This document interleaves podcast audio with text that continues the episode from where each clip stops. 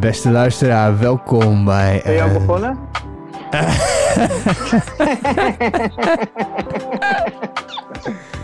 ja hoor, beter op Tel- papier. Met je host tel- Theo Lazarov. Oké, tel even af dan, als je wil, want anders weet ik niet. eh. Oké. 3, 4, 1, 8, 0, 10. En beste luisteraar, welkom bij deze Big Splinter nieuwe aflevering van Quarantaine Talk. Met je host Theo Lazarov en je andere host. Ja? Oh, mag ik wat zeggen? Ja, DJ Irie. DJ Irie in the house. ik kan eindelijk die pets gaan gebruiken. We hebben geen Epic Eric en we hebben geen Jasper Postgraaf in de buurt. Dus ik kan echt helemaal loco met alle voorgeprogrammeerde pets op het ding. Ga ervoor, man. Ja, zeker, zeker. Ga ik sowieso doen.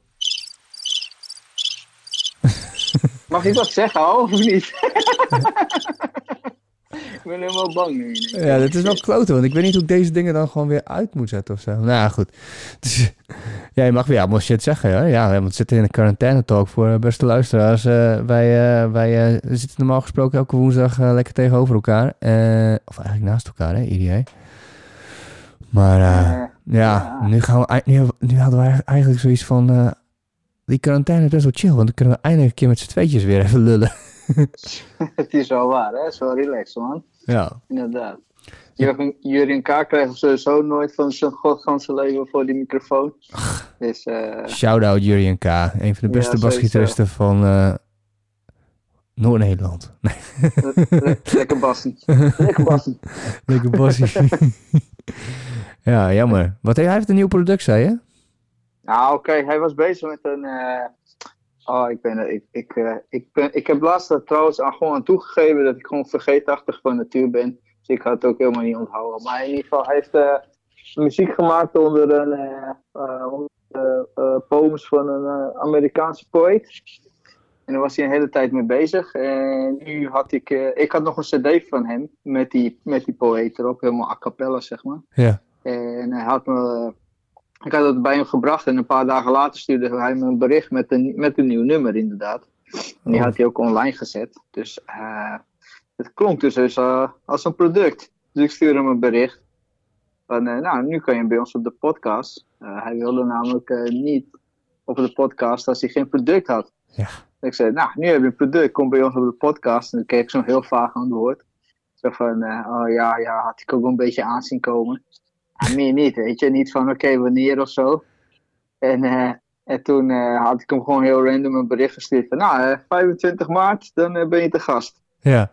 En toen Kreeg ik kreeg geen reactie, echt niet, hè, wekenlang, ja, gewoon niks. twee weken ook. En toen in één keer Ja. coronacrisis. Ja, precies. En toen kreeg ik in één keer wel een bericht, dus die fokker had het wel gelezen. Hij stond er zo van, ja, vervelend hè, die coronacrisis.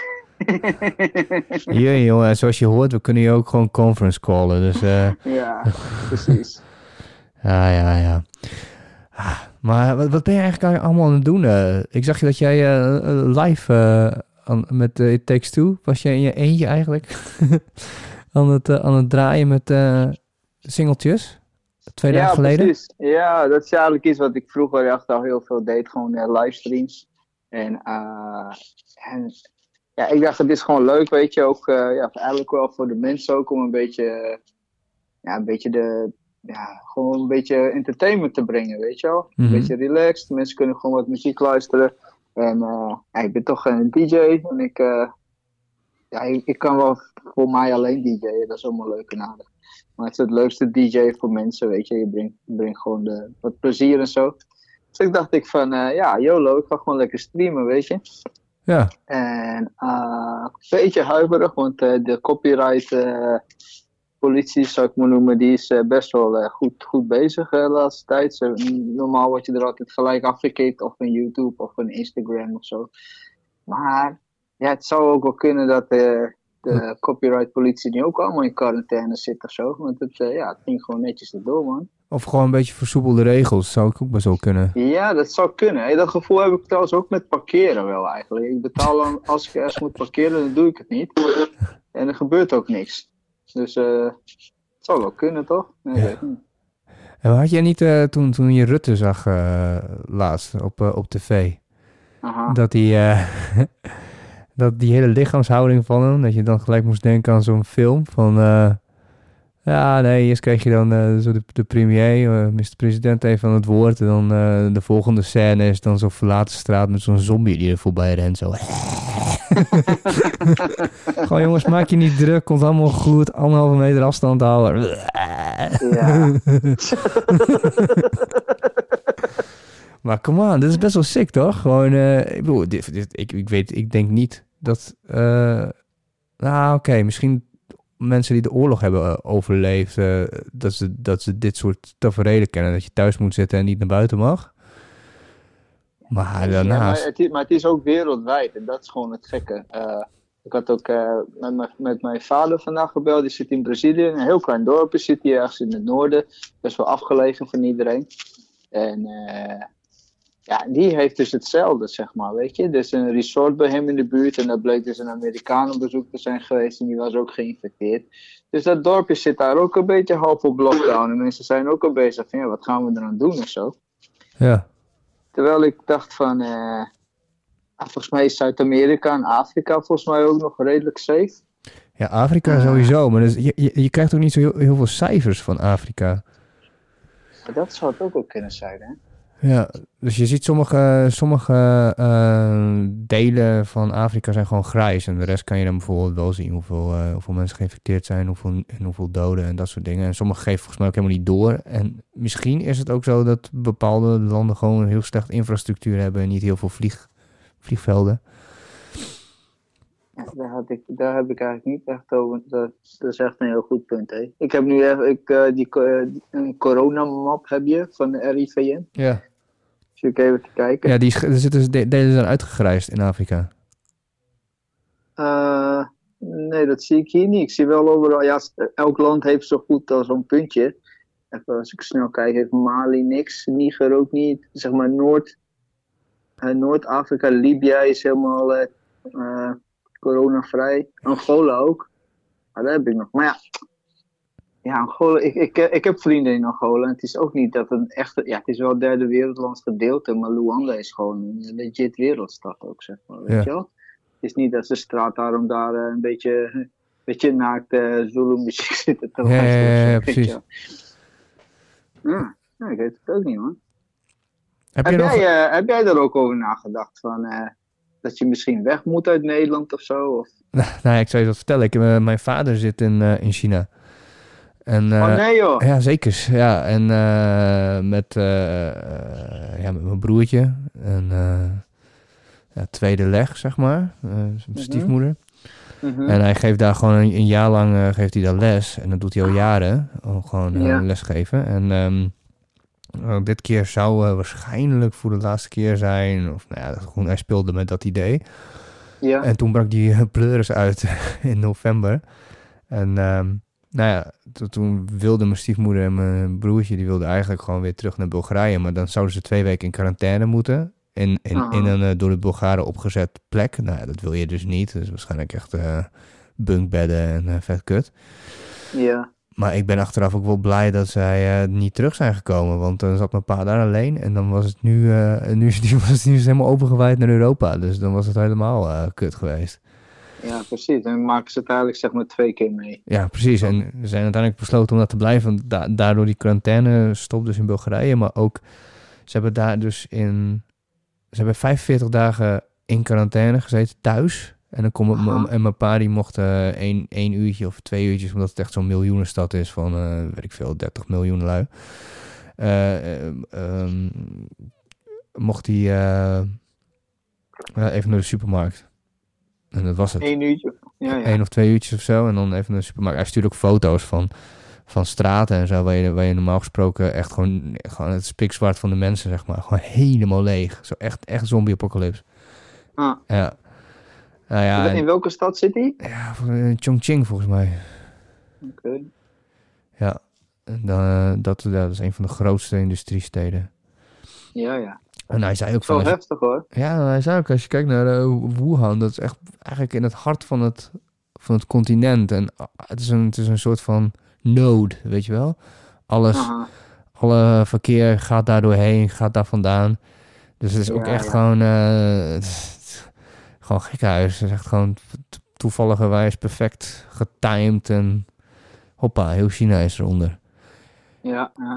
En ja, ik heb niet genoeg conspiracy shit gekeken. Maar ik hoorde van mijn vriendin dat er een Explained is op Netflix. Oh die, ja? Die een eh, die, die pandemic shit eh soort beschrijft. En dat ze dit al op. op ik, ik heb het dus niet gezien, hè? Dus ik zeg, ik, ik praat gewoon een, beetje na. Maar dat Mhm. ze dit eigenlijk al een soort van zagen aankomen. Dit is gewoon dat dit een kwestie van tijd was. Want je hebt daar van die markten in China. En, Ja. da- en dat, dat ze echt eh, allerlei soorten dieren door elkaar heen. En niet echt hygiënisch ook. Maar ondertussen worden er ook allemaal oerwouden gekapt en zo. En dan nou ja, dat kan heel makkelijk bijvoorbeeld zo'n verdwaald beest uit zo'n oerwoud per ongeluk ergens terechtkomen in bij zo'n grote deel waarvan een zaal of zo waar allemaal vee is en zo. En dan iets doorgeven. Ja, Ja, ja. dat het echt morft. Dus dat is echt. ehm, ja, ja, nou ja, goed. Spaanse griep heeft ook echt 1% van de wereldbevolking eh, geveld eh, toen, eh, nou ja, toen dit voor het eerst kwam. Eh, welk jaar was dat ook weer, Spaanse Ja, griep? damn it. Ik wist dat je dat ging vragen. Ik, ik dacht dat ik slim, eh, slim uit de hoek kwam. Maar even kijken, Spaanse griep. Ik moet even opzoeken hoor. 1917. Ja. Nee. Zo vroeg? Nee, nee, Ja, bedoel, dat is- nee, eerder toch? Zo laat bedoel ik? Ja, dat is het eerste wat ik... Ik, denk, eh, we doen weer podcast. Ik ga gewoon weer achter mijn laptop Ja, zoeken. heerlijk. Ja, ze zoek het op, ja, inderdaad. Anders moet ik het op mijn Eh, telefoon. dit is een van de ergste epidemieën sinds de Spaanse griep, wordt er gezegd. Al. En inderdaad, wat je zegt. Is het niet eh, ergens 50 1700? tot, 50 tot 100 miljoen slachtoffers in 1919 en 1918, ah, 1918 en 1919. Een derde van de wereldbevolking werd ermee geïnfecteerd. Sick. Ja, dat is, ja, dat is echt super vergelijkbaar. Ja, en we mogen echt blij zijn dat we ook in, eh, in, in een land als Nederland wonen. Want je kan zeggen wat je wil, belasting hoog, dit, dat. Maar als het puntje per paaltje komt, dan, dan, dan... eh, We staan nog overeind en het is nog op de wc-papiercrisis na. Gaat alles nog wel redelijk goed, volgens mij. Ja, ja ik, ik, ik, eh, ik laat even dat wc-papierverhaal gewoon voorbij gaan. Want ik vind dat dit is gewoon te idioot om tijd aan te besteden eigenlijk. Maar eh, over de Ne- Nederlandse regering echt niks ten goed ook, zeg maar. Hoe het ook allemaal wordt aangepakt. Het begon in, in eerste instantie een beetje laks. eh, een, be- een beetje laconiek was er erover. En ik, ja, ik nam dat eigenlijk eh, wel een beetje over. Nou, het is een beetje ernstige griep en ook een beetje ver voor mijn bedshow-achtig, weet je wel. Ja. En eh, ja, in no time hadden ze die shit gewoon nage- ja, niet letterlijk op lockdown, maar wel ja, goed aangepakt.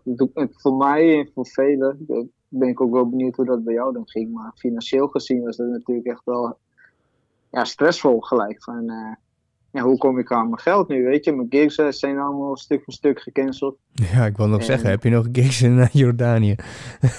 Nee, in Jordanië sowieso niet. Dat was allemaal sowieso niet doorgaan. Ik, ik zag wel toevallig die twaalfde, toen ik dan moest zijn, Ja. dat ze daar dus wel een anti-corona party hebben georganiseerd. Ah, dus, ja. dus op zich ben ik wel blij dat ik daar niet heen ben gegaan, man. ja, maar je, Ah. die gast reageerde niet meer, toch? Ja, school. Nee, hij reageerde niet, maar ik zie hem nog wel op Instagram zo. Toen dacht ik van, hé. 12, eh, de twaalfde was ik. Ik denk, nou, even checken of het, ja, dat dan hetzelfde feest was. Ach, weet ik veel. Ik weet, ik weet het ook niet meer. Ja, precies. Nee, nee, nee, maar ik heb, eh, eh, ik zag dit al natuurlijk aankomen en ik ben gewoon maar gewoon op contract gaan werken. Niet waar. Ja, je, je weet toch dat ik nu gewoon al twee maanden al een vaste baan heb. Dat weet ik. Wie kwam? Wat zei je? Dat je al wist dat er een wereldpandemie kwam. Ja, ik voel het gewoon aankomen. Ik dacht, ik ga gewoon een vaste, vaste baan. nee, natuurlijk niet. Ja. Ja, je valt een beetje weg, man. Ben je aan het rondlopen of zo? Eh, nee, ik ben gewoon thuis. Want je breekt een beetje, je breekt een beetje op. Ah, ja, dat heb ik bij jou ook een beetje. Ik ben wel op, mijn eh, hoofdtelefoon. Ik weet niet of dat wat uitmaakt. Op je hoofdtelefoon. Hoofdtelefoon, ja, ja. Nou ja, nu klink je wel weer goed. Het leek even alsof je in een eh, danger zone kwam.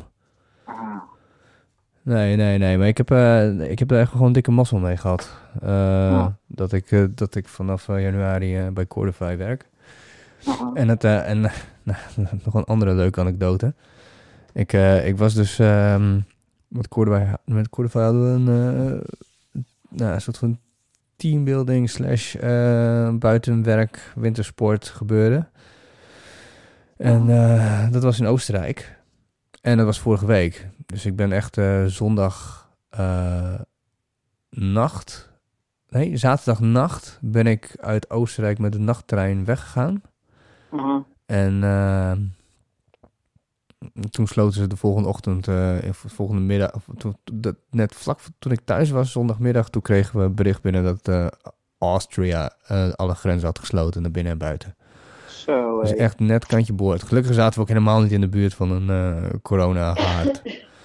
Oeh. Aha. Gelukkig zaten we ook helemaal niet in de buurt van een, van een, van een corona-haard. We zaten echt gewoon echt aan de, aan, aan de, aan de München-kant van... eh, van Ah. ja, maar het was wel echt, echt dat ik... want, eh, Ja, ja, ik heb zelf, omdat ik eh, met, met, die, eh, met die sportchallenge bezig ben... eh, heb ik ehm, niet geskiet, niet gesnowboard, alleen maar een beetje gehiked. Mhm. En, eh, toen, maar we zijn wel even naar een eh eh, après-ski geweest. Heel even, ik in ieder geval. Ja. Met alle collega's. En ehm, daar werd wel echt gewoon gevraagd door sommige lui van... waar kom je vandaan? Oh ja? En kom je, komst toe her? Ik zei, en toen zei een vriend of een collega van mij... die zei zo van... ah, Düsseldorf. En dat is gewoon... het is gewoon, gewoon gelul natuurlijk. Oh ja, oké, Duitsland. Ja, En dan tegen mij, ja, komst, bist ook Deutscher? Ik zo... ik zo, eh nee, Holland. Ja. Eh, zo, oh shit, Holland, even een beetje afstand nemen. Maar we waren allebei... waar? Ging- Ging ja, dat echt zo? ja, maar ze keken ook allebei naar ons, hè, want wij waren met twee meisjes, de twee blonde eh, vrouwen. En daar, daar, daar, daar hadden ze helemaal geen twijfel over. En maar wij, wij met zwart haar en die andere jongen, ook een Braziliaan, by the way. Ja. die, die, ehm, die, daar werd, ze, ze, van, ze keken zo van, oké, jullie zijn vast Italianen die ons hier komen, die ons komen eh, besmetten. Maar eh, ja, ja, ja. Maar echt, joh, iedereen zuipen, roken, echt eh, springen, elkaar omhelzen. Dat, dat was, als daar corona was, dan, dan heeft iedereen het, zeg maar. Ja, precies. Ja, heerlijk, heerlijk. Lekker, lekker eh après-ski. Ik was even vergeten hoe, hoe fijne, wat voor fijne hitjes ze daar hebben. Ja, heb je genoten, joh? Hey, want dat, is, eh, dit, dat zijn alleen maar hits, hè? Achter elkaar. Alleen maar hits. Ja, hè? Oh man, ik, vind, ik, ik denk serieus, hè, het is best wel. eh, Ik, ik denk dat je best wel intelligent moet zijn om die shit gewoon met. Want ze bouwen echt een spanningsboog op, hè? Ze hebben dan gewoon vaak één, één couplet. Zeg Aha. maar, daarin wordt heel snel een soort van situatie geschetst.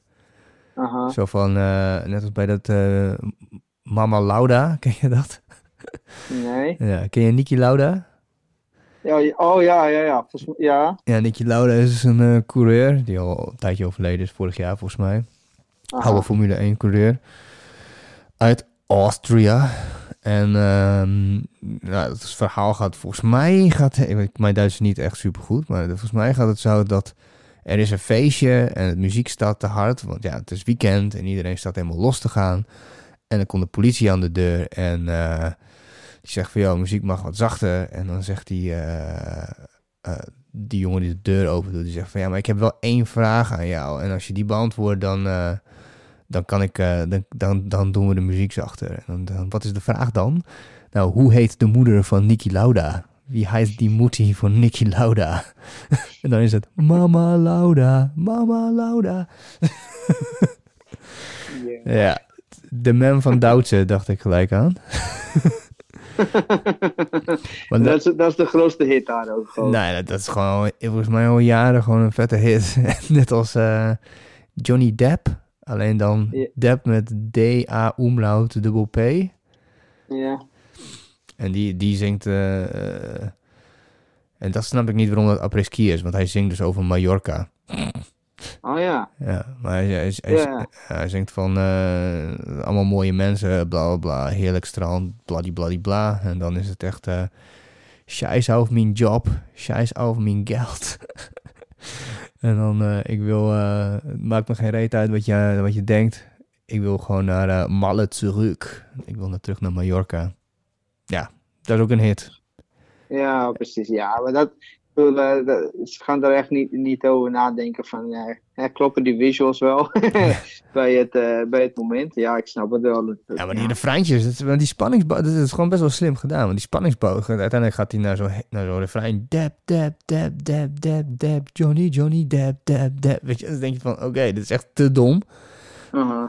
Maar ja, verzin het maar eens, zeg maar. Verzin het maar en zorg maar, zorg maar dat mensen, dat mensen jou steunen in het uitbrengen van zo'n plaat. Ja. Weet je?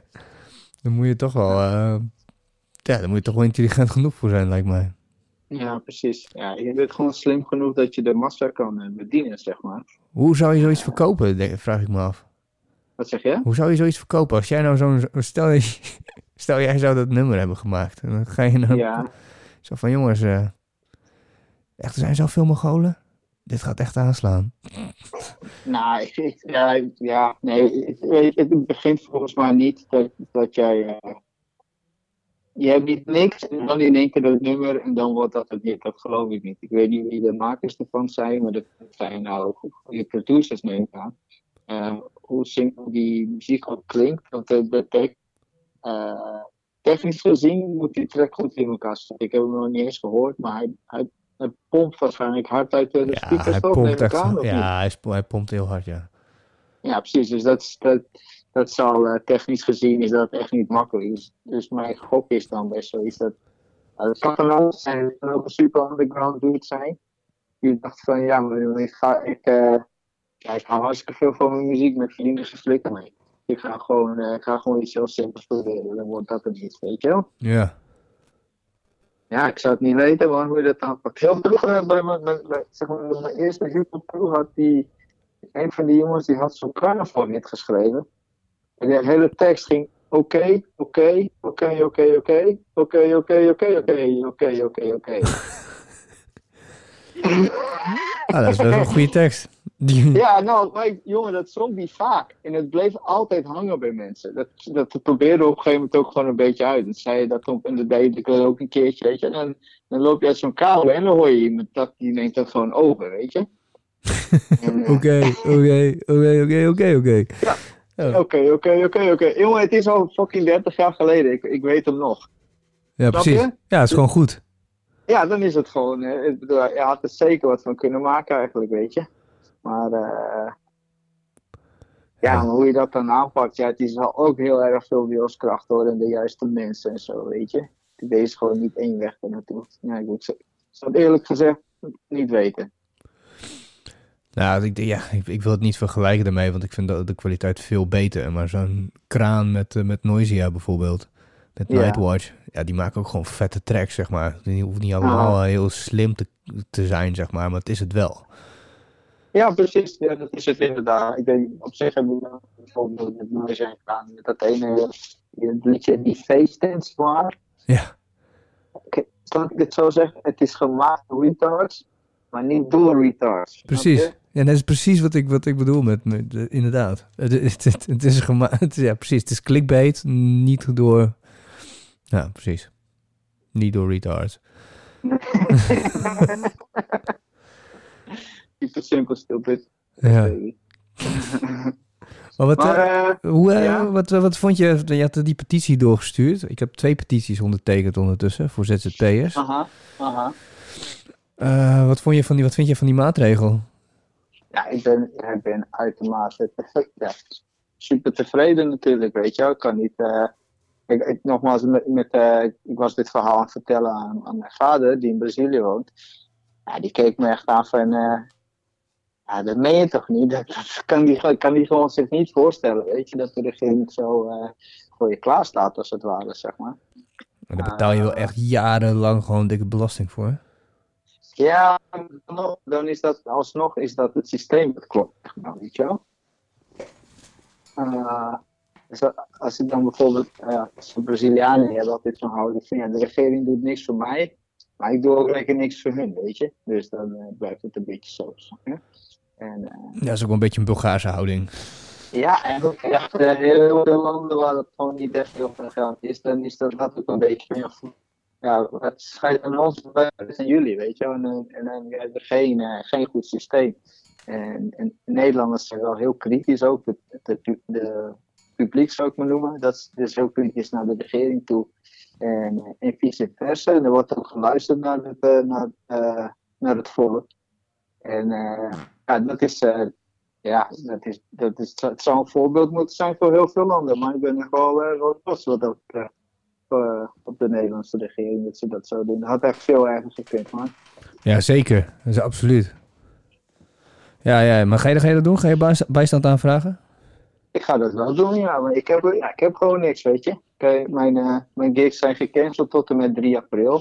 Maar ik moet me wel over wat daarna gaat gebeuren. Maar, ja, toch dat het in de winter het vrij rustig is. En eigenlijk vanaf nu maart tot aan de zomervakantie, tot het festivalseizoen. En, en zelfs tot, zeg maar, eigenlijk tot en met december wordt het gewoon veel drukker. Uh, maar ik vind het gewoon niet dan niet gebeuren, weet je. Ja. Uh, en ook al, ook al zeg, er meer dan 100 mensen bij elkaar komen, gaan alle klussen open. Ja, moet die hele op gang uh, gebracht worden, weet je wel. Uh, moeten georganiseerd worden. En, en, daar moet het publiek moet, ja, moet het vertrouwen hebben dat ze er uit durven te gaan. Het geld is ook moeilijk, zeg maar.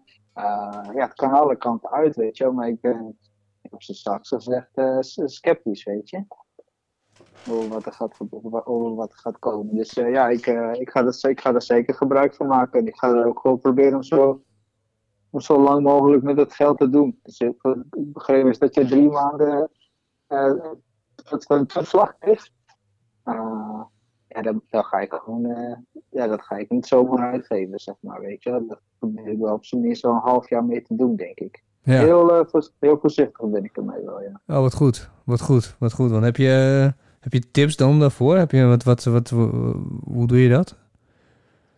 Uh, ja, ja ik denk dat het nu wel een goed moment is om te realiseren wat je belangrijk vindt en wat je niet. Wat belangrijk is in het leven en wat niet, weet je. Zelf ben ik al eigenlijk van nature al niet zo echt uh, koop graag een gast of zo. Maar uh, zeg maar die dure broek zou je wel eens na kunnen denken, heb ik die echt nodig en wat zit er nog in mijn kast, weet je wel? Uh, hoeveel hemden heb ik nog? Heb ik kleren die ik nog goed kan gebruiken of shit, weet je? Nou, dat is bijvoorbeeld een voorbeeld. Maar andere dingen waar veel mensen gaan kijken is uh, abonnementen, zeg maar. Uh, zelf ben ik geabonneerd op Netflix en Spotify. En dat is het wel zo'n beetje, weet je wel? Netflix en Spotify. Zitten... Sorry? Netflix, Spotify, zei je. Ja, dat zijn eigenlijk de enige twee dingen waar ik nu nog op geabonneerd ben. Dat zijn dingen die ik ook gebruik. Uh, sommige lijsten zitten dan ook nog op, uh, weet ik veel, Tidal en, en YouTube uh, Music. En misschien HBO of, of ze hebben een maandelijks abonnement op basketbal of, of basket NBA of iets, weet je. Mm -hmm. even nog gaan kijken, nog abonneren. Dat ik ook gebruik. Okay. Hey, je breekt weer een beetje op. Irritant. Uh... Spijtig, man. Ik heb echt een heel goed verhaal hier. Hè. Ja, ja, dat klopt. Nee, het laatste hallo, stukje was... Het, het, verhaal was echt goed, super goed inderdaad. Maar het is op het, het, laatste stukje van... Uh, sommige lui, zei je. En dan... Een beetje helemaal uh, gerobotized. Nou ja. Ja, sommige lui zijn gewoon geabonneerd op veel dingen... waar ze niet daadwerkelijk gebruik van maken. ja, dan kun je zo toch weer 8, 9 euro per maand weer besparen in principe. Ja, precies. Nou ja, maar het zijn een heleboel 8, 9 euro's, weet je wel. Uh, ik weet niet op hoeveel dingen je geabonneerd bent. Maar uh, ja, dat kan zo in een paar honderd oplopen, zeg maar wel per maand. Uh, misschien een magazine, online magazine waar je het een keer voor hebt aangemeld of, of iets, weet je. Nou, ik heb heel veel, ja, ik, ik, heb, ik heb eigenlijk hele, hele zakelijke shit. ik heb gewoon één keer per jaar heb ik gewoon een Soundcloud. Dat is dan 100 mm -hmm. euro. Uh, een Dropbox, elke maand 11 euro. Maar dat heb ik echt nodig, weet je wel. Dus, uh, ja, precies. Ja, ja Spotify en, um, voor, uh, en Netflix. De bare, de bare minimum, eigenlijk. Ja, precies. Ik ook. Ja, daarom. Wat, wat dat betreft, eerlijk gezegd, in mijn leven valt vrij weinig nog te te, te besparen. Zo, hè. Ja, ik heb zelfs eh afgelopen tijd al eh, hebben we met z'n tweeën een eh, gezamenlijke rekening zijn we begonnen. En één keer in de week gewoon boodschappen doen en het daarmee doen. Dat, is, dat, is, dat is- jongen, dat scheelt me echt 100 euro per week of zo. Dat, scheelt heel, dat is een ding wat ik echt al heel lang doe. Is gewoon eh, één keer per week boodschappen doen. Inderdaad. Ik ga eigenlijk één keer per week of naar de supermarkt of ik koop gewoon online. En ik ga één keer per week naar Oh, en je valt weer weg. Het is, is dat nou, dat Hmm. klopt, het, het is, hij breekt op of zo. Even kijken of ik... Wacht Of, eens, ik ga het even anders proberen. Wacht even, ja, een momentje. Hey Theo. ja, oeh, dat klinkt al veel beter. Ah, klinkt dat beter? Ja. Oké, dan doen we het zo, man. Eh, ja, ik ga inderdaad één keer per week naar de markt en één keer per week naar de supermarkt. In de markt koop ik allemaal groente en fruit, zeg maar. En dat gaat meestal wel een week mee. En eh, dan koop ik zeg maar de basisdingen bij de supermarkt. En dat scheelt echt heel veel geld. Eh eerder ging ik altijd elke dag zo ongeveer naar de supermarkt of om de dag. En, en wat echt in de, wat, wat echt kosten maakt zijn gewoon die, eh, hoe noem je dat? Die, die, die, eh, Kleine die aankopen. Ja, van die kleine dingen. Van, ah, ik, ik koop nog wel een koekje of ik zie nog iets. Hé, hey, wat is dit voor een nieuw product? Ga- Neem, neem ik ook even mee, weet je. En eh, je wordt zo, kom je in één keer allemaal thuis met shit wat je 30 euro lichter. ja, precies. Ja, maar die, al die dingetjes, die, dat, dat tikt dan gewoon aan. Als je dat op een jaarbasis checkt, nou, dan zit je misschien op wel, ja, wel 1000, eh, 1500 euro aan crap waar je denkt, ja, wat de fuck is dit Ja, eigenlijk? dat is echt Dat- dat is ongelooflijk, man. Dat is echt... eh, ik, nou, serieus, Jennifer heeft mijn ogen geopend met die, met die gezamenlijke rekening. Van ja, we daar halen we ook gewoon de, de, de boodschappen van. En eh, nou goed, dan eh, gaan we thuis gewoon preppen, zeg maar. Dat is ook voor mij, voor mijn trainen is dat ook gewoon chill. Dus gewoon rijst met eh, bonen en mais en een beetje... hoe heet het? paprika. Stoplicht paprika erin. Nou, dat kan je drie, vier dagen mee doen voordat het een beetje funky begint te smaken. en dan heb ik gewoon zo'n grote kipfilet erbij. Maar ja, goed, oké, zo'n groot kipfilet is wel 3 euro gemiddeld, zeg maar. Aha. Hangt af van de grammage, maar dan, dan ben je eigenlijk voor, voor nou, wat is het, 15 euro plus, nou, dat rij, die reis zou het hem niet zijn, eh, weet je. Dat is, dus misschien ook 3 euro. Voor 18 euro ben je dan, eh, ja, minder zelfs, een euro. Voor, voor 16 euro ben je dan gewoon de hele week klaar voor, voor lunch. En ik ontbijt niet, dus ja, avondeten doe je ook met z'n tweeën. Ah. Dat is echt, eh, ja, ik, zeg, ik word gewoon rijk langzaam, zo, op deze manier. Ja, precies. Ja. Ja. Ja, dat is, eh, ja, het is zo, het is zo- wel, wel, wel grappig dat we er nu zo eh, over praten eigenlijk, want ik, ik merk dat heel vaak, eh, er, er was gewoon, deze, voor me gevoelsmatig is dat, hè, ik weet niet of dat dan ook echt klopt, maar dus, is altijd in, in eh, geld besparen is nooit, komt nooit echt te zaken, zeg maar, bij veel mensen niet. Het is gewoon ja, je doet gewoon lekker je boodschappen en whatever, weet je, mensen leven zo. En, eh, maar het is wel cool dat iedereen er nu in één keer zo thuis zit en er veel meer in één keer zo bewust is. Van ja, de kraan kan ook in één keer helemaal dicht. Wat ga je dan doen, weet je wel? En ook op lange termijn. Hoeveel geld spaar je dan om, om volgend jaar rond te komen? Of weet je, of over vijf jaar, of weet je? Ja, absoluut. Dus, eh, En, maar ik vind, ik vind dat, zo, dat geld, zo, geldzaken sowieso gewoon al bij de basis gewoon moeten worden geïntroduceerd. Van jou, dit is een huishoudboekje. eh, als jij, eh, wat, wat, wat heb je nodig aan je vitamintjes te komen? Ja, sinaasappels, bananen, kiwis. Oké, nou, sinaasappel kost eh 3 euro, weet ik veel. En bananen kosten 1,50, eh kiwis kosten 2 euro. Ah, En eh, je zakgeld is 5 euro. Weet je wel zo, even een balanssheet Ja, maken. aha. Weet je, er, zijn, er zijn zelfs spelletjes. Een soort van, ja, Monopoly is natuurlijk het meest bekende. Maar je hebt ook bijvoorbeeld Cashflow. Heb je ook van zo'n gast. Ah ja. En dat is dan, eh, dan, dan zit je in de rat race. Dat is wel een leuk spel eigenlijk. Van, eh, het is wel een beetje een irritante gast die het gemaakt heeft. Kiyosaki, Robert Kiyosaki heet hij. Dat is zo'n Hawa- Oké. Hawaiiaanse gast met, van Japanse afkomst. Aha. En die, ehm, nou, natuurlijk vette miljonair, maar eh, heel, dat is een, dat, hij, hij heeft het allereerste zelfhulpboek geschreven. Of hij, hij is het eerste zelfhulpboek dat ik ooit gelezen heb. Maar hij heeft dus een, een, dat meest inspirerende was het dus dat hij het spel heeft bedacht. Van dat kinderen op jonge leeftijd kunnen leren hoe ze met geld moeten omgaan. En dan ben je dus de rat race aan het doen en dan krijg je gewoon al die dagelijkse dingen. En dat is bij Monopoly. Je betaalt uh, doktersrekening, betaalt dit, betaalt dat. En je krijgt iedere keer krijg je ook je salaris binnen. Maar je moet ook, je, je hebt de kans om dealsjes te sluiten. En op het moment dat jij drie keer jouw maandsalaris in passief inkomen hebt, dus in huizen of in allemaal aandelen of dat soort shit, dan kom je in één keer in de fast track. Dan word je in één keer miljonair, zeg maar. Of dat, dat, Oh, wat goed zeg. ja, en dat, dat gaat ook heel snel. En dat is eigenlijk best wel realistisch. Op het moment dat je echt vette monies hebt, dan kun je in één keer vettere deals sluiten die veel chiller zijn. En dan in één keer heb je bam, dan ben, dan ben je er gewoon. Ja, precies. Dus kom je zeg maar le- level up, zeg maar. Ja, ja, ja. En dan, dan, Ja, ja, ja. dan, dan, wat grappig is, je je hebt dat spel dan niet uitgespeeld, maar dan moet je nog wel een paar keer gooien. Maar daarna is het eigenlijk vrij snel, bijna zeker. Tenzij je echt een keer echt wrecked wordt, want dat zit er ook in. Getting Aha. wrecked. maar eh, maar dan, dan kun je het vaak ook wel hebben, zeg maar. Nou ja, ik vind het- Oh, hoe goed. ja, je kan het, eh, je kan het volgens mij. oh Ja, ik heb hem ooit een keer getorrent zelfs, volgens mij, eh, dat, dat spel. Dat kun je gewoon digitaal spelen. Ik, misschien heeft hij het tegenwoordig ook wel gratis dat hij het aanbiedt. Want het is wel op zich wel... een- Ah, Voor het geld hoeft hij het niet meer te doen in ieder geval. Ja, nou, ik zit nu op zijn website en eh, dat is zo'n, eh, eh, ik zie een, iets wat ik ook in de reclames voor op Instagram wel eens zie. Het is zo'n boekje heet eh, Rich Dad Poor Dad. Ja, ja, ja, precies. Dat is het boek dat ik ooit gelezen heb. Ja. What the ri- rich, rich teach the kids about money. That the poor and middle class do not. Ja. Nou, de- ah, ik vind, ik- hij, is, hij is echt, echt een nare republikein.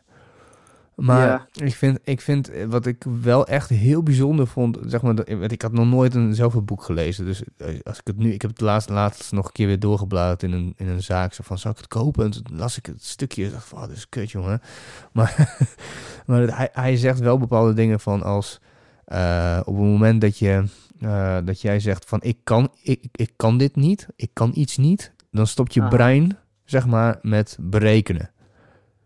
Dus je moet altijd zeggen, ik heb dit, dit is mij gelukt, hoe heb ik dit gedaan? En dan zet je dus je brein aan het werk van, oh, het is al gelukt, maar huh, wat zijn dan mogelijke oplossingen? En het klinkt, Ja, ja. en het klinkt zeg maar super zo van, oh ja, as that, like that will work. Maar het, het werkt in principe wel, want je, het komt gelijk al zo van een gerust gevoel over je heen van, oh ja, het is sowieso gelukt. Dus eh, ja, ja. wat zijn eh, logische manieren om dit te doen? En vaak is het echt gewoon even geduldig. Even twee minuten, drie minuten langer naar iets kijken of dan, dan ben je er al. Aha. Dus dat was één ding. En het andere is, eh, ehm, wat was het? Want hij, hij, beschrijft dat, dat zijn, zijn vader, zijn echte biologische vader, is een eh werkt bij de overheid. En die Ja. zegt dus van, eh, haal goede cijfers eh, op de middelbare school, ga naar de universiteit, haal daar hoge cijfers, eh, ga vervolgens eh, werken voor de overheid, want die heeft een goede CO. Dat is wat hij zegt, zeg maar. Dat is echt de old school eh, stem, zeg maar, van, zoals we die van onze ouders kennen. Aha. En, en, zijn, en zijn rich dad, dat is dan de vader van zijn beste vriendje. En dat is eh, iemand die, die nul diploma's heeft, maar wel gewoon de helft van Hawaii bezit aan, aan grondgebied. ja, ja. En die, eh, die leert ze dan, eh, die, dan zegt ze van, nou, wij willen wel voor je werken. Nou, dan zet hij ze voor aan het werk en dan betaalt hij ze echt bijna niks. En op een gegeven moment dan, dan zegt ze, ja, maar we willen meer geld. Dan zegt ze van, ja, nou, ja, dat krijg je niet. Wel, dat, dat soort dingen. En hoe die ze dan challenged om, om dan, om, om in te zien dat je niet voor loon moet werken, maar never be the smartest guy on the table. Bijvoorbeeld, dat is ook zo'n zo'n Ja, ja. zo'n les. Nou ja. Ach ja, nou heb ik hem eigenlijk helemaal verteld. Dan hoef je hem niet meer te lezen. Nee, inderdaad. Ik, ik vind het nu ook wel veel, eh, veel relaxter. Als, je, als, jij, als jij me gewoon dat boek nog eens een keer goed nog keer navertelt, nog iets meer details, dan hoef ik hem echt niet meer te Ah, lezen. een van de details was, eh, was, eh, was dat hij... eh, ehm, eh, je, je moet eigenlijk wat wij doen, of wat...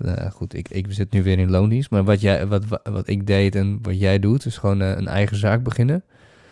Eh, want dan kun je eigenlijk alles aftrekken, belastingtechnisch. In Amerika in ieder geval, want het Amerikaanse systeem eh berust het. Maar in Nederland ook. Je kan heel veel dingen aftrekken. Vooral als je thuis zit, kun je gewoon ook een deel van je huur aftrekken. Of tenminste, het was vroeger zo.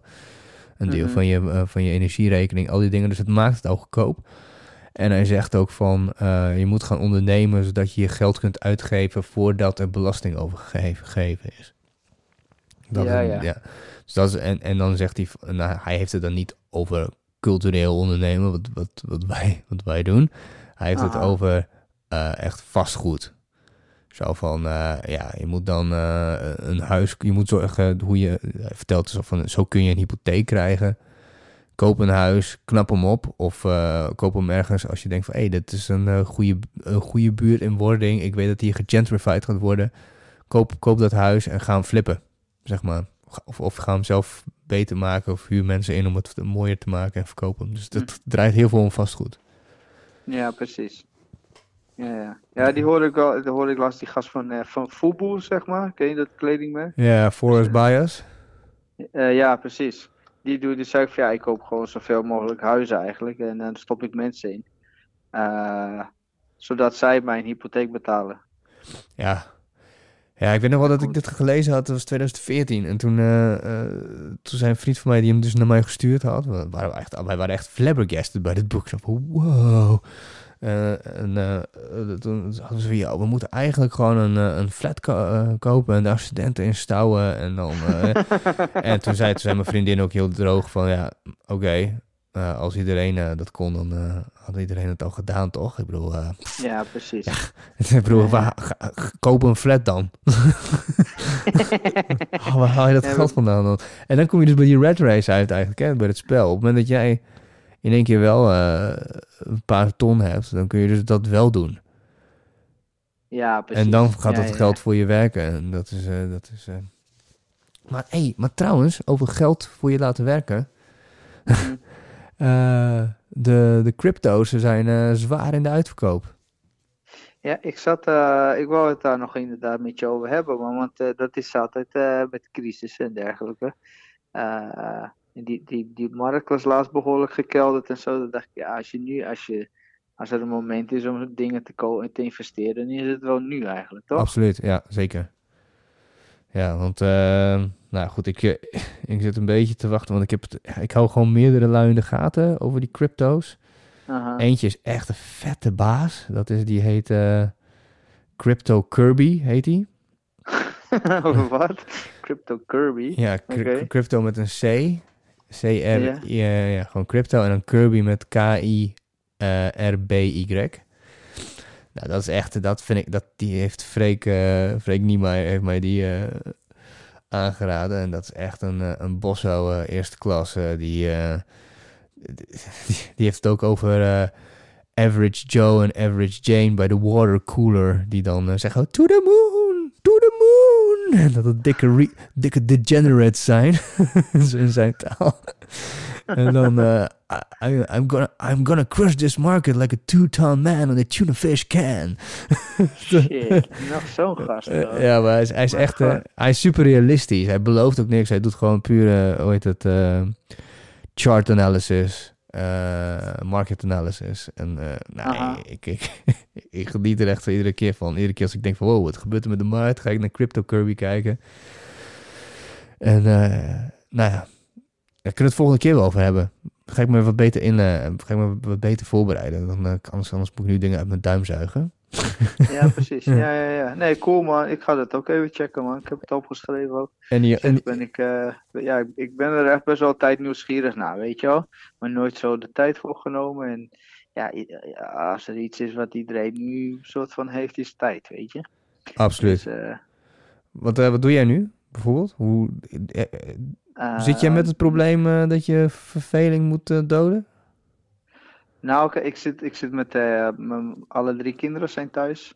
En mijn vrouw is nog wel aan het werk, dus ik kan niet zeggen dat ik me verveel. Maar ik hoor sommige mensen die, zeg maar, ki- kindervrij zijn als het ware. Die zeggen, ja, ik ben nu lekker een taal aan het leren en ik speel twee uur per dag piano. En dan kan ik eindelijk eh, die en die boek lezen en zo, weet je. Ja. Nou ja, dat zit er bij mij niet echt in. Ik maak op, op een gegeven moment de laatste echt wel lange dagen hoor. Ik sta om zes uur op. En rond acht uur s'avonds dan, dan ga ik, kan ik pas zitten, weet je. Ja, ja. Ik zeg van, eh, oké, dan is dat voorbij. Eh, ga even rustig, chill. En dan, dan doe ik nog wel iets met, eh, ja, een beetje DJ, eh, mijn platen zo op, orde brengen. Dat is iets wat ik eh, in downtime wel gewoon, eh, vind ik ook leuk om te doen, weet je. En, gewoon even checken wat ik allemaal heb. En een beetje mixen, wat scratchen en zo. Een beetje ontspanning als het ware. En een boekje lezen of zo. Maar ja, ik kan niet zeggen dat ik me verveel. Maar ik kan ook niet zeggen dat ik nu precies aan het doen ben wat ik in mijn eentje zou gaan doen. Hè? Nee, dat snap ik. Nee, maar ja, goed. Aan de andere kant ook wordt chill, want je hebt de kids dan... Ja, voor hun is dat heel relaxed dat ze met papa zijn. Nee, ik bedoel, ik, ik, ik, ik, ik bedoel, ik klaag echt helemaal niet. Ik vind het juist wel, ik vind het echt heel fijn. Je ziet ze eigenlijk de hele dag door.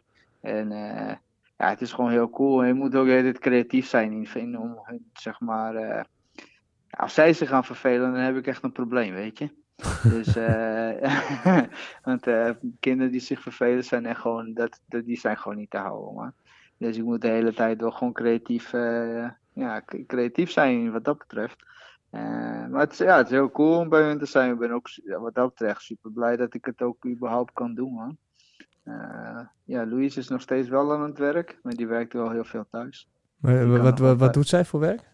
Zij is grafisch vormgever. Oh ja, Ze heeft, ze heeft een eigen bedrijf, maar ze werkt ook voor een bedrijf twee dagen per week. Eh, en die, heeft, die kan nu vanuit huis gaan werken ook voor dat bedrijf. lekker. Uh, dus dat is wel cool. Ja, en, en vreemd genoeg, dat hadden we er niet zo verwacht. Ze werkt heel veel voor scholen, uh, basisscholen, middelbare scholen, do door het hele land. En uh, wij dachten van ja, die, die, zijn allemaal stil, dus er gaat niks gebeuren. Maar die hebben nu zoiets van ja, het is nu downtime, dus nu kunnen we al onze grafische dingen even een beetje op orde brengen. Dus uh, ze heeft verbazingwekkend veel opdrachten eigenlijk. Oh, nice. Dat is echt goed om te ja. horen. Ja, ja, wel apart. Dat, zo, dat hadden we helemaal niet zo uh, gedacht. Zo wel gek hoe, hoe dingen gaan, wat dat betreft. Ja, want uh, ik, ik, ben, ik ben gewoon uh, echt elke dag... nou, ik, ik, ik, doe het, ik wil dat ook, maar... Ik ben gewoon elke dag nu aan het, aan het buffelen gewoon. Voor, voor Cordify. Gewoon elke... Jenny die werkt ook vanuit thuis. Dus we, ah. hebben, we hebben echt eigenlijk een hele grote woonkamer. En die is eigenlijk een beetje door zo'n kast in tweeën gedeeld. Dus ik zit uh, bij de tv-hoek heb ik een, uh, een soort van opklaptafeltje. En eigenlijk werkt het prima. En zij is daar bezig. En we hebben... Uh, wat heel relaxed is, als zo'n zo mooie hippe start-up, is dat, dat alles heel goed geregeld is, ook digitaal en zo. Dus we zitten in Slack, maar dan zitten we bijvoorbeeld via Google Hangouts, gaan we dan koffie met elkaar drinken. Gewoon met de collega's. En het, en het, oh, en, ja, en het, omdat het bedrijf die heeft twee, twee uh, um, kantoren, eentje in Utrecht en eentje in Groningen. Mm -hmm. En uh, nou ja, de mensen van Utrecht zie je alleen dan bij, nou goed, toevallig nu toen we in Oostenrijk waren, maar um, uh, dan zie je ze één keer in, in, per kwartaal, zie je ze. En nu, uh, nu leren mensen gewoon kennen. Want uh, nou, dan ben je gewoon een, zo'n gezamenlijke chatroom, zeg maar. Dan ga je dan in en dan staat je camera aan. En dan, hey, en dan iedere keer iemand anders. Even koffie drinken. Oh shit. Ja, best wel awkward gesprekjes ook. Van, hey, hoe is het dan? Wat doe jij dan? Ah, nee, oké. Okay. Want heel veel in het Engels ook. Zo van, nou ja, nou, dit en dat. En uh, nou, dan vijf minuten. Dan even, nou, ik ga weer aan het werk hoor. Ja, nou is goed. Hè?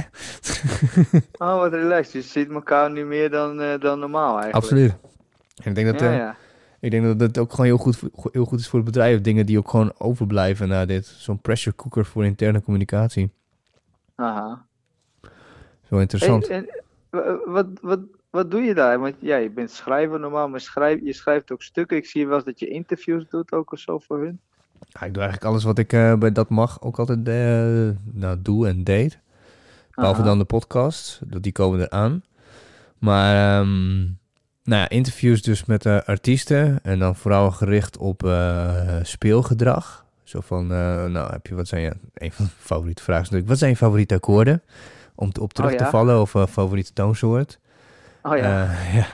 ja. Um, hoeveel uur speel jij per dag? En is dat spelen, is dat dan, is dat dan een routine dat je jezelf hebt aangeleerd? Is echt een soort van discipline of is het, ja, ik weet niet hoe vaak ik speel. Soms speel ik een paar uur en soms speel ik uh, een paar weken niet, weet je wel. Ja, het is verbazingwekkend genoeg normaal verdeeld. Sommigen hebben echt een, uh, zoals uh, wij ook echt zo'n discipline dingetje. Aha. En, en de anderen die, die zeggen ook van nee, ik pak gewoon, begin gewoon een beetje te spelen en dan in één keer komt er iets uit en dan kan ik soms twee, drie dagen helemaal in de ban zijn van iets en dan, ja, dan, dan daarna weer een tijdje niet. En uh, de grootste assholes om te interviewen zijn uh, jazzmuzikanten. Oh ja? ja dat zijn Wat echt... onverwacht, jongen. Hey, dat vindt toch normaal een hele aardig geluid? Jazz. Ja, nee, dat is, eh, ik heb een paar keer een jazzlui geïnterviewd. En dan heb je bijvoorbeeld ook zo, een beetje zo'n vraag om, de, om ijs te breken, weet je. Zo van, ah, wat is jouw eh, guilty pleasure eigenlijk? Want eh, ja, ik zou die voor mij, die voor mij is Don Johnson met Heartbeat. Nou, normaal gesproken, ieder normaal mens die gaat dan vet hard lachen van Don Johnson. Ja, Maakt Aha. die gast muziek, vet kut. Terwijl Heartbeat trouwens echt wel een goed nummer is. Maar, ehm, oké, oké, oké, oké. maar, eh, maar dan, eh, dan eh, zo'n jazz, eigenlijk alle jazzmuzikanten die ik gesproken heb en deze vraag heb gesteld, dan krijg ik eigenlijk altijd het, ongeveer in andere woorden hetzelfde antwoord van een guilty pleasure zou suggereren dat er een norm is en dat dit buiten de norm valt. Maar Ja, dat is ja. niet zo. Zo van, "Wow, wat een kunst. Wat een kunstvriend. Misschien moet je zo, dan zeg je guilty pleasure en dan zoek je gewoon de meest ingewikkelde eh, John Coltrane song of iets dergelijks. iets gewoon helemaal echt te, moeilijk voor woorden. Dat, dat je dan je guilty pleasure is. En dan veranderen ze misschien wel een beetje van. Eh, maar ze nemen je niet zo serieus. Daar komt het eigenlijk een beetje op neer, toch? Nee, nee, ja, dat is heel goed, heel, heel goed gezegd inderdaad. Nee. Ah, dat is een beetje, ja, er gebeurt veel met die. Met die, die zitten zo. Het zijn eigenlijk kunstenaars. hoog. Het is echt, echt, echt snobisme is het soms. Hè? Dat is gewoon, ik, ik Ja, wil ze, ja, ik, ze nemen, ze nemen, kijk, je moet, kijk, je moet jezelf nooit te serieus nemen, maar je werkt altijd super serieus. En in dit Ah, geval is ah. het gewoon allebei gewoon hyper serieus. Ja, precies. Ja, ja. Ja, dat is ook gewoon die hele cultuur is dat ook zo, weet je. Dus, eh eh, ik heb wel eens met jazzmuzikanten gespeeld en dan kreeg ik een mail van, eh, nou, jij bent de drummer. En ik zei, oh, dus, eh, ik ben DJ, weet je wel. Ik zeg zo, oh, oké, dus ik doe alle drums. Aha, oh, oké. Nou, dus kwam ik daaraan en nou, zet ik alles zo op. En, eh, en werd- er werden die nummers helemaal niet doorgenomen of niks. Hè? De, die, die, die bassist, dat was de, frontman, die kwam binnen en die telde af. En toen moest het gewoon beginnen, weet je. Wow, heftig. ja, jongen. Maar het was ook allemaal een soort van 13 achtste maatsoort en shit, weet je wel. Ja, als DJ moet ik daar echt wel even echt goed over nadenken. Ja, hoe de fuck pak ik dat ooit aan, zeg maar, weet je wel. Dus ja. ja, dat ging helemaal niet goed, joh. En ik, toen keek mij, het was ook niet van, eh, oh, wacht even, dat gaat niet, niet, dat gaat niet echt oké met de band, want die, die drums gaan niet lekker of zo. Misschien moeten we er even tijd voor nemen. Het gewoon een beetje schuin aangekeken van, eh hey, gast, eh, ben je erbij of wat, weet je? Ja, dat Oh. was wel, was wel intens, hoor. Was ook, Wat was dat tijdens je uh, popacademie jaren? Of, nee, het was iets daarna met een band uit, uit Groningen ook. Een beetje een soort improvisatieband. Ik was, ik was toevallig eh, de Miles Davis documentaire aan het kijken bij Netflix. Ja. Eh, echt de moeite waard om te checken trouwens. Ik weet niet precies hoe die heet, maar als je Miles Davis ziet, dan is het wel echt cool. En, eh, maar dan werd dus dat ook verteld, dat, Miles Davis dus ook zo werkte. Hij kwam gewoon binnen en hij begon te spelen, weet je. Zei niks tegen niemand. En ja, je moest ook gewoon maar meespelen, weet je wel. Bleek dat hij een keer naar Frankrijk was gegaan. En toen vertelde zo'n Franse dude dat. Van, nou, ik was echt een grote eer. om Miles Davis kwam binnen. En eh, wij zo, en die hele crew ook van, oh shit, we gaan met Miles Davis spelen. Dude zegt niks tegen niemand, hè. Pak zijn toeter, begint te toeteren. en, eh, en iedereen er maar achteraan van, ah, kut zo, ja, let's go dan maar of zo. Maar hoe krijgt zo iemand dat Eh, voor elkaar dan, vraag ik het dan. Hoe bedoel, je moet toch gewoon een beetje social skills hebben? Nou ja, het, het schijnt bij Miles Davis dat hij wel gewoon o- o- officieel echt een klootzak was. En eh, Of je officially asshole? ja, nee, maar dat hij, dat hij het er ook wel om deed, weet je. Van ja, ik ben Miles Davis, weet je. Je mag blij zijn dat, ik, eh, dat je bij mij in de buurt bent. Waar is die vent eigenlijk aan dood gegaan? Overdosis, toch? Nee, hij is gewoon wel dood gegaan aan. eh, ja, eh, ik weet niet de, de uiteindelijke, wat het uiteindelijk geval was, maar hij was wel gewoon ziek. Maar hij, hij had wel meerdere malen dat hij, eh, dat hij aan verschillende soorten drugs zo goed verslaafd was. Eh, tussen iets van 75 en 81 of zo had hij zes jaar lang alleen maar aan de, aan de, aan de coke of zo gezeten. Coke en drank en shit. Had hij ook helemaal niet, niet getoeterd, zes jaar lang niet of zo, weet je wel. Nee, zat hij gewoon te chillen. Ja, en dan heeft hij wel meerdere van die periodes gehad. Ik begin ook een paar jaar aan de heroïne of zo. ja, ja, vet, ja dat, dat wist ik van hem, dat hij echt vet aan de heroïne heeft gezeten. Ja, dus hij was een beetje, ja, overleefde. Ja, gewoon zijn lichaam was gewoon op of zo, denk ik. Niet per se, volgens mij was hij op het laatst wel clean, wat ik ervan begreep. Nou, ben benieuwd. Ik ga tijd zat. Nou ja, tijd zat. Ik ga, ik ga het checken inderdaad. Echt eh, cool, ja, want je vroeg me nog inderdaad van, ja, laten we het anders hebben over, Netflix dingetjes en zo, weet je wel. Mhm. En eh, ja, dit was zo, eentje wat, eh, wat wel interessant was om te kijken. Ik, ik luister relatief veel mm, Miles Davis. Het is gewoon heel interessante muziek in die zin dat het... het, zet, het me altijd een beetje soort van in een denkmode of zo, weet je. En het is, ook, eh, het is gewoon ook letterlijk mooie muziek. Hij kan echt, echt prachtige melodieën spelen.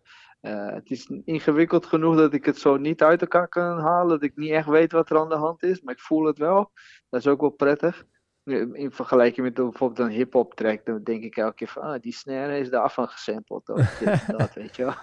Zit je dat zo helemaal te analyseren. Met hem heb ik dat dan net niet. Oh, wat geinig. niet- Wat geinig dat jij zo naar, die shit luistert. Natuurlijk doe je dat zo. Dat is logisch ook, maar... Dat, Ja, het is ook gewoon heel. Ik luister heel- daarom ook relatief weinig muziek, want het is niet echt zo genieten per se, weet je wel. ja. Dus eh, ik, ik luister wel veel pianomuziek ook wel, omdat ik dat ook niet helemaal snap. Maar eh, klinkt gewoon prettig zo en het, het veel te, veel te kamer gewoon met, met, met prettige vibes als het ware.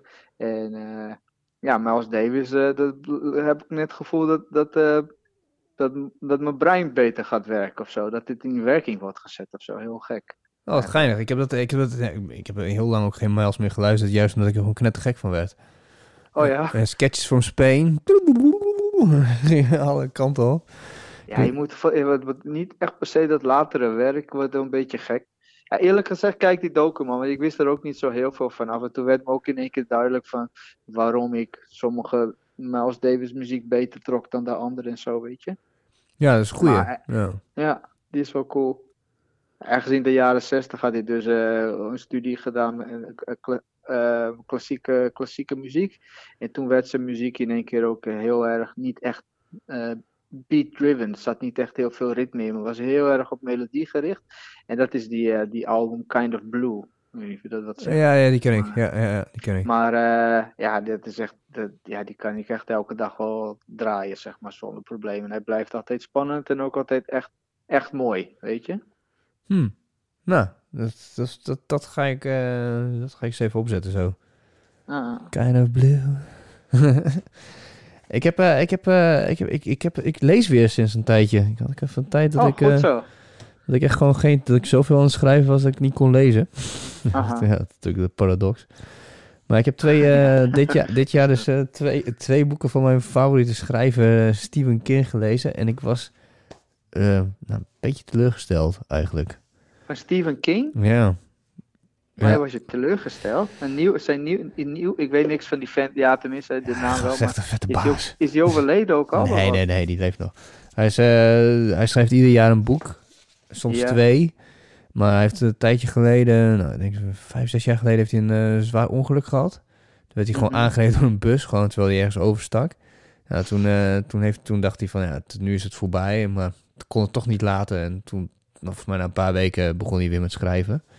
Ik heb Ja. daar echt bewondering voor. Want dan ga je in één keer... Ik heb zo lang niet meer gelezen. Ik heb zoveel aan het, aan het schrijven... dat je dan dat je in één keer... Wat jij zegt met het luisteren naar muziek... dat ik nu dit aan het lezen ben met hele andere ogen, zeg maar. Zo van... Oh, zo doe je dat. Oh, zo bouw je op. Oh, Oké. Ja, precies. Heel technisch ga je daar naar kijken, hè? Maar ik kan er nog wel van genieten of zo. Maar ik, ik, vond, ik heb bijvoorbeeld de, de Outsider. Dat is even kijken wanneer die uitgekomen is. Ja, het zijn ook allemaal van die boeken van 600 pagina's, weet je. Ja, ja. Is gewoon als je, je investeert er echt wel twee, twee drie weken in. Aha. Eh, de 2018, The Outsider. Eh, nou, ik, er is zelfs nu een serie op HBO naar dat boek gemaakt. Dus die heb ik nog niet gezien. Maar die schijnt eh, wel echt wel vet te zijn, zijn we een paar. En deze... Maar wacht even, die viel dus tegen, vond je ook Ja, wel? ik vond hem tegenvallen, want het, het bouwt, zeg maar... nou, hij heeft gewoon een formule. Hij, Ja, ja. Hij, hij, hij, hij, zet iets, tenminste de- deze twee laatste boeken, eh, die ik gelezen heb. Eh, de andere was The Revival, en dat ging over een, eh een heroïneverslaafde gitarist. Maar ja, op zich, op zich deze, die was wel leuker dan de Outsider. Welk- Welk jaar is dit? 2015. Maar ja, het is gewoon, hij zet dan iets heel normaals neer, zeg maar. Een normale gang van zaken. Of bijvoorbeeld eh, in de ene is het een politie-investigation. Nou, natuurlijk wel iets heel gruwelijks, maar het is wel allemaal heel traag. En dan- de karakters worden uitgediept. En Ja, ja. het is net alsof je naar zo'n film kijkt. Je, wordt er een beetje ingezogen. Aha. Maar ja, dan werk je ergens naartoe en dan, en dan vind ik dat de shit gewoon helemaal los moet gaan op het einde. En dan Ja. gaat het niet helemaal zoals, het, zoals, ik, zoals ik het wil of zo. En dan denk ik van ja, misschien waren ze ouder. Ik, heb, ik, ik zat er nog zo van te denken zo van, waren ze oudere boeken dan wel goed? Want ik heb ze gelezen toen ik 16 was of zo. Was ik zwaar impressed, zeg maar. Ja, precies. Dat, dat- ja, dat kan hè. Ja. Dat- omdat je nu ook gewoon schrijver bent en bekijk je en een ouder ook inderdaad. Dus dan kijk je er sowieso heel anders tegenaan. Maar, maar kan het dan ook zijn dat het komt door die, eh, door die ongeluk van hem? Dat hij het een beetje soort van kwijt is of zo? Nee, dat denk ik niet. Ik bedoel, hij schrijft nog steeds een boek per jaar. En hij zegt nog steeds dat hij met drie verhalen in zijn hoofd in het vooruit zit, zeg maar. Ik, ik, heb, ook een, ik, heb ook gewoon toen ik dacht van, oh, ik, heb, ik wil wat meer gaan schrijven. Ik ga eens even naar mijn favoriete schrijver kijken wat hij op YouTube doet. Hij heeft best wel goede lezingen. Aha. eh, met veel grappen. En dat is ook een goede suspense en zo, wat hij dan doet. Dus dat is best wel leuk. En toen, nou, daarom heb ik ook die boeken gekocht. Maar ik heb, Aha. ik heb wel een andere dude ontdekt. En dat is Neil Gaiman, heet die. Ik ben nu, eh, ik dacht van ja, naar die King boeken dacht ik van ik ga gewoon eh, korte verhalen, want dan hoef je niet zoveel tijd te investeren, weet je. Dan kun je per verhaal een beetje kijken hoe het gaat. Ja. Maar Neil Gaiman Neil die, Game- ja? Neil Gaiman. Zo, die was vroeger waarschijnlijk werd hij er nooit mee gepest. hè? Nee, nee. echt, eh, hij, is, is British, British. En schrijft het Ah. G-A-I-M, G-A-I en dan man, Ja. Gaiman. Ja, ja. En Tim Ferriss heeft een, eh, heeft een hele, hele toffe podcast met hem. Want hij, hij heeft die gast ook super productief. Die heeft ook comic books geschreven, graphic novels. eh. Ik weet niet of je wel eens van die serie hebt gehoord, eh, eh, American Gods. Nee, man. Dat is ook naar zijn boek. Hij is meer fa- fantasy, sprookjes, horrorachtig is hij. Maar King is, echt. King is echt meer... Ja, tenminste stond altijd bekend om de pulp en de horror. En Gaiman is echt wel meer de fantasy kant op. Dat is ook meer de. Brit- de Britse traditie. Maar ik heb dus nu eentje... Maar hij, is, maar hij is Australiër. Oh nee, wacht even. I'm in Australia. My bad. Hij is, Aus, hij is Brits. Brit. Ja, Brits. Ah, Maar ja, dit valt me... Ja, sommige vallen me mee, sommige vallen me eh, een beetje tegen. Maar het allereerste verhaal van Smoke and Mirrors... dat is een soort van eh, boek wat uitgebracht is... eh, met allemaal korte verhalen... die, die ooit een keertje zijn geschreven... maar zijn blijven liggen... of niet helemaal gepubliceerd zijn... of gepubliceerd zijn in iets kleins of iets zo. Die heeft hij allemaal Ja. verzameld. Dus eigenlijk is het best wel grappig. Het is heel goed studiemateriaal. Ehm, want sommige dingen werken en sommige niet. Nee. En hij heeft voor, elk, heeft voor elk verhaal heeft hij, eh, heeft hij een, eh, een, eh, een kleine toelichting waarom hij, waarom hij het geschreven heeft. En wat, voor, wat de opdracht was, weet je. Ah, En het eerste verhaal... de director's cut. Ja, de director's cut, absoluut. Ja, zoiets. En, en het eerste verhaal gaat over zo'n oud vrouwtje die dan de Holy Grail eh, koopt in een eh, soort van Mamma Mini. Dus Ja. tweedehands winkel. En ze weet ook wat het is. En dat is echt, het is echt heel mooi gedaan. Met zo'n heel subtiel van, nou, zo'n schattig vrouwtje, die koopt het dan en die poetst hem op. En die, dat vindt ze dan mooi op haar schouw staan tussen, volgens mij, een vaas en, eh, en, de, en eh, de foto van een overleden man. En dan, eh, en dan, dan gaat ze thee drinken en dan gaat, gaat de deurbel. En dan staat er zo'n hele mooie man met lang, halflang haar en een harnas. En dat is Gallet. En die, eh, dat is een ridder van de ronde tafel. En die, eh, die, komt, eh, die heeft gehoord dat de graal hier is. En dan gaat hij... ja, dan, dan wil hij hem, wil die hem eigenlijk, want dan, is zijn kweste is dan volbracht. Maar dan mag je niet meenemen van haar. Dus dan, dus dan, dan komt hij een dag later weer terug en dan is hij aan het tuin aan het werk. Dan, dan zet ze hem aan het werk. Want het is, het is zeg maar, hij is dan die mythische ridder en het is wel gewoon in onze tijd gemaakt, zeg maar. Aha. En ehm, dan uh, ga, zij dan in de tuin aan het werk en dan zet ze hem aan het werk, helpt hij mee in de tuin. En dan vervolgens gaan ze limonade, zelfgemaakte limonade drinken. En dan haalt hij dan zo'n heel groot zwaard uit zijn tas en dan zegt hij, het is het zwaard van een of andere naam. Met eh, deze en deze edelstenen erin. Wie dit zwaard draagt, zal nooit verslagen worden in een duel of in een strijd. En die zal ook nooit een onethische beslissing maken. Zal altijd waarheidsgetrouw blijven, nooit liegen en puur zijn. En dan zegt zij zo van, uh, uh, but is it sharp? En dan zegt hij zo van, ik, it, it cuts sunlight. En zij zo dan, put it away dear, it's dangerous. en dan, ja, dan hoeven ze hem ook niet voor de grail. En, en de derde dag dan komt hij terug en dan helpt, helpt hij haar met de zolder opruimen en afstoffen en shit. En dan heeft hij een, uh, een ei mee. En als hij dat ei vastpakt, dan, uh, dan in één keer dan voelt ze zich ergens in een andere wereld. Echt helemaal zweven boven allemaal vuur. En echt zo'n een vrij gevoel. En dan blijkt het een phoenix-ei te zijn. Oh. En het andere is een, uh, een steen. Die pakt ze dan vast. En dan voelt ze in één keer alsof ze een soort van verlichting en rust. Alsof ze alles uh, begrijpt en weet. En dan blijkt het de Philosopher's Stone te zijn. Aha. En de derde is een appel. En die is dan heel teer. Dus als ze hem pakt, dan begint ze ook gewoon gelijk al een beetje sap uit te lopen over haar hand. En dat likt ze dan op. En dan voelt ze zich in één keer super jong. En het wordt heel mooi beschreven van... Ze herinnert zich hoe het is om een sprintje in te zetten wanneer je dat wil. En dat je lichaam meewerkt. Of dat, uh, Ah, dat ja. iemand je nakijkt omdat je er gewoon bent zoals je bent. En dan is het gewoon de appel van het leven. En als je daar een hap van neemt, dan uh, cures every wound. En als je daar twee happen van neemt, dan word je weer helemaal verjongd. En als je er drie happen van neemt, they say you get eternal life. en dan zegt ze tegen hem, ja, it's it's not appropriate om dit uh, aan een vrouw te aan zo'n vrouw als mij te geven, als ik. En uh, dan neemt ze die andere twee dingen in ruil voor de graal. Ah ja, Ja, dus oh, dat- wat goed zeg. Ja, nou, dat is wel. eh het eindigt dan uiteindelijk dat ze een, eh, weer in de, in de Malmini rondloopt. En dan ziet ze een soort van plat zilver eh, doosje. Met allemaal hieroglyphen erop. En eh, met zo'n klein eh, tuitje eraan. En dan zegt de verkoopster, die zegt zo van... eh, ja, het is waarschijnlijk een eh, soort van eh jus, eh, sch- jus schenkertje. En dan zegt ze, nee, nee, nee, het is een lamp. En, dan... eh, en dan heeft ze dan een paar van die doktersromannetjes en zegt ze van... Ja, weet je wat, ik hoef die lamp ook helemaal niet. Ik heb hem toch nergens om neer te leggen.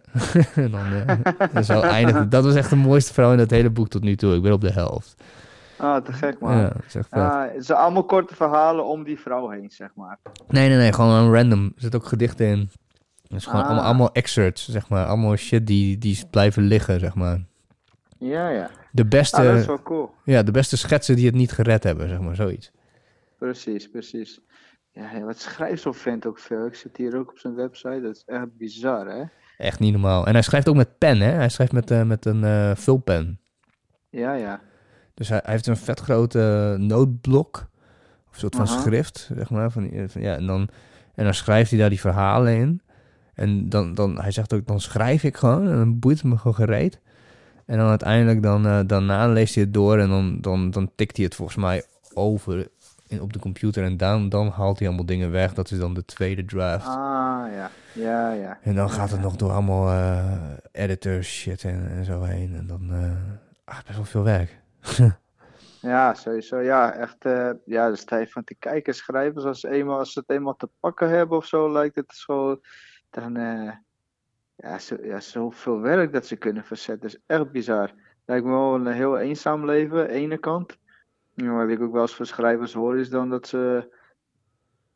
Zeg maar, ik zou dat dan zien als een eenzaam leven, maar hij heeft zoiets van ja, maar ik leef altijd met die characters, weet je. Mhm. Ze heeft dan een jaar of lang met, die, met dat vrouwtje bijvoorbeeld geleefd de hele tijd. En nou helemaal gebouwd en zo. Dus hij is in, wat dat betreft nooit echt alleen. Hij is gewoon met al die een beetje schizofreen is die eigenlijk dan een beetje. Ja, dat zegt die Stephen King ook. Die zegt van, eh, nou, sommige mensen die betalen echt dikke pieken om, eh, de, om, hun, om hun shit, zeg maar, neer te leggen bij een psychiatrist. Aha. En, eh, en ik schrijf het gewoon op en ik krijg er dik voor betaald.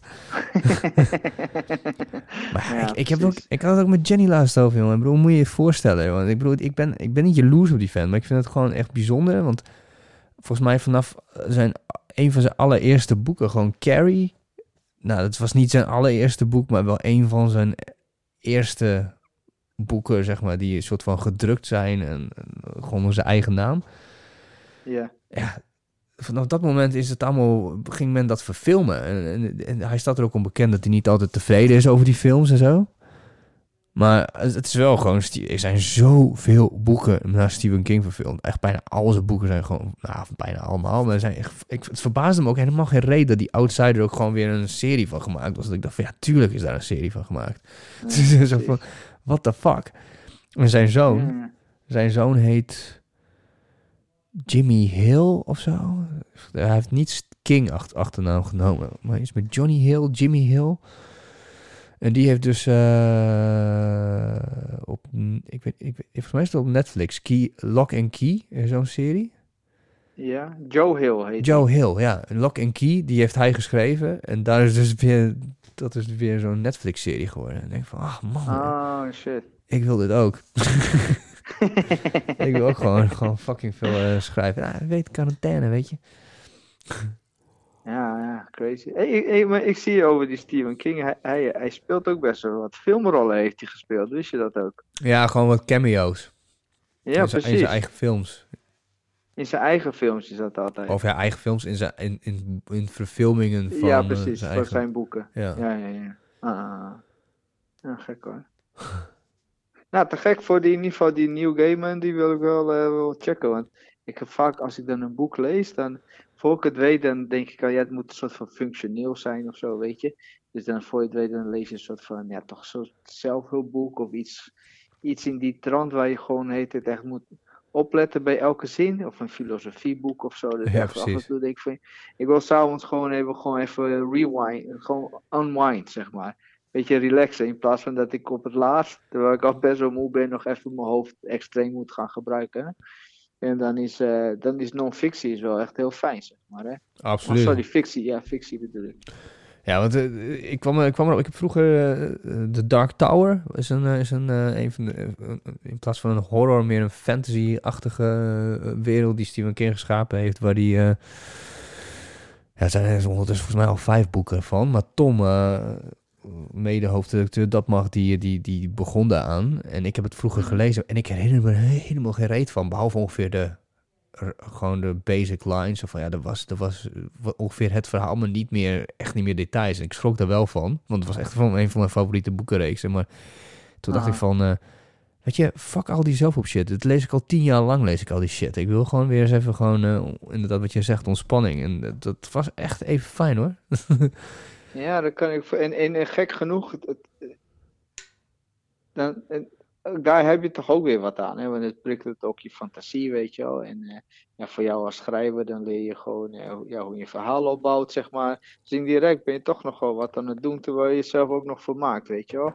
Dus eh, ja, het, ja, ik ga, dat, ik ga ik begin maar met die New Gamer, denk ik. I guess, ja, waarom niet, weet je. Ja, nou, ik zou, eh, nou, ik weet niet, smoke, ik weet niet of je andere kort verhalen heeft, want die Smoke and Mirrors kun je voor mij altijd nog lenen. Aha. Maar eh, ja, als jij dan ook nog een andere nieuw game boek doet en als je die uitleest, dan kunnen we ze ruilen. Ah, oké, dat is een goede deal. Oké, bij deze dan. Oh, nice. Heb je al iets op je wishlist toevallig? Ja, ik weet niet. eh, Heeft hij heeft hij eh, korte verhalen? Andere korte verhalen dan die Smoke and Mirrors? Ah ja, dat zou ik even op moeten zoeken. Want die, die lijst boeken wat hij heeft is echt een beetje belachelijk. Hè? Ja, maar het zijn ook graphic novels. Audiobooks, comics, films, television en theater. Ja. Ja, Hou eens even op, jongen. Hey. ja, baas, jongen. ja. Ja, dat is echt een baas. Ah, maar eh kijk je nog wel gewoon tv? Of eh, Netflix dan? Nou, ik, eh, kijk The Wire op dit moment. Is dat op Netflix? Nee, nee, nee. Het is gewoon HBO. Dat is gewoon zo op eh, DVD. Ah ja. Ja, ja, Dat is echt eh, eind jaren 90 volgens mij. En het grappige is, eh, je hebt zo'n eh, serie op Netflix, dat, eh, Brook- Brooklyn Nine-Nine, volgens mij. Ja, aha. Met die gast van, I'm on a boat, motherfucker, on a boat. Die vent. Ja. Eh, die, eh, en dat is grappig om te zien dat het eigenlijk helemaal een soort van een parodie is op The Wire. Gewoon qua heel veel dingen, gewoon characters en zo. Die zijn, ah, eh, ja, Ah, geinig. dat wist ik helemaal niet. Ja, die gast is mega irritant van die Brooklyn Nine-Nine. Die eh hoofdrolspeler, die blanke doet. Ja, het zijn eigenlijk allemaal best wel irritant, weet je. Ik heb het wel, ik heb het wel eigenlijk een tijdje gekeken ook. Ik kijk wel, ik ben heel vaak benieuwd. En, en eh, Louise wil die shit echt nooit zien. Dus vaak kijk ik die dingen in een vliegtuig zo. Denk ik, oké, er is niemand. Guilty pleasure time. of ja, zo, precies, weet ja, je. precies. Maar uiteindelijk vind ik het toch ook irritant. En dan kijk ik het ook niet af. Maar Ja, met- ik vond, ik vond Terry, Terry, Terry Crews is natuurlijk altijd een favorite daarin. Ja, het is helemaal grappig. Maar dat is het ook niet echt, weet je. Ja.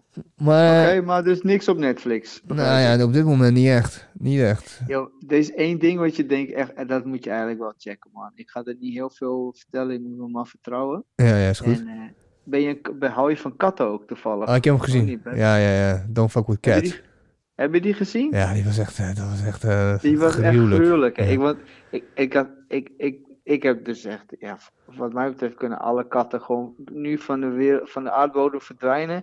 Dan zou ik er helemaal niks om geven. Dus van, nou, ja, best wel, nou, whatever, weet je. Zijn ze er nou wel of niet? Ja, I don't give a shit eigenlijk. En, eh, maar ik had niks te doen. Ik drukte er bijna per ongeluk op. En vanaf het eerste moment dat je die, dat je die chick zo hoorde praten, ze heette ook iets met, ze had een naam en dat was gebaseerd op een Beastie Boys, eh, Beastie Boys, eh, eh, titel van een Beastie Boys track. Ja? Eh, Body Moving of zo heette Ah, ze. ja, Body. Moving. Ja, zoiets, zo. Toen dacht ik al gelijk, hè, Body Moving, dat is, dat is van de Beastie Boys. Dus toen was ik al gelijk van, Dat was zo haar? Facebooknaam, toch? Ja, dat was inderdaad haar, eh, haar internetnaam of zo, Facebooknaam of whatever, inderdaad. En eh, ja, het werd gewoon steeds slijpen. Ik, ik, ik, had het vrij laat opgezet, dus ik moest best wel naar bed. Maar ik, kon, ik, ik stopte na de eerste aflevering.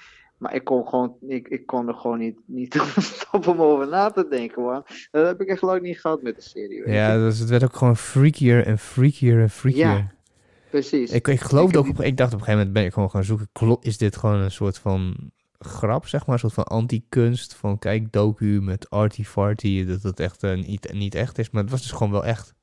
Het was echt, ja. Ik heb die gast ook nog wel gegoogeld, die eh, moordenaar, zeg maar. Ja. En eh, ja, die, is- die, is- die, die, ja, die heeft onlangs nog een, eh, wat post gedaan. Die zit vast wel ergens of zo, nog steeds. Maar eh, ja, die geldt ook nog steeds op zichzelf. En super, alles was er bizar aan gewoon. Het echt, eh, ja, best wel geniet eigenlijk, weet je. ja. Ah, dat vind ik wel een mooie afsluit voor, voor deze aflevering. Dat we gewoon don't fuck with cats. No fuck with cats. Ja, precies. Dat is een goeie, man. Ja, gaan we volgende week weer verder, ja? Ik vind het wel mooi zo even quarantaine Oké, talk. Dat is goed. Ik eh, ga zorgen voor betere verbinding. Dan, Dit was eh, goed trouwens, dat laatste deel. Ja? Ja, dat was zeker goed. Ja, nice. Nice. Goed, man. Hey, thanks man. Thanks. Hou je goed. Oké, ja, even, heb je snel. nog even een mooie af... Is goed. Later, joh. Jo, later. Was al.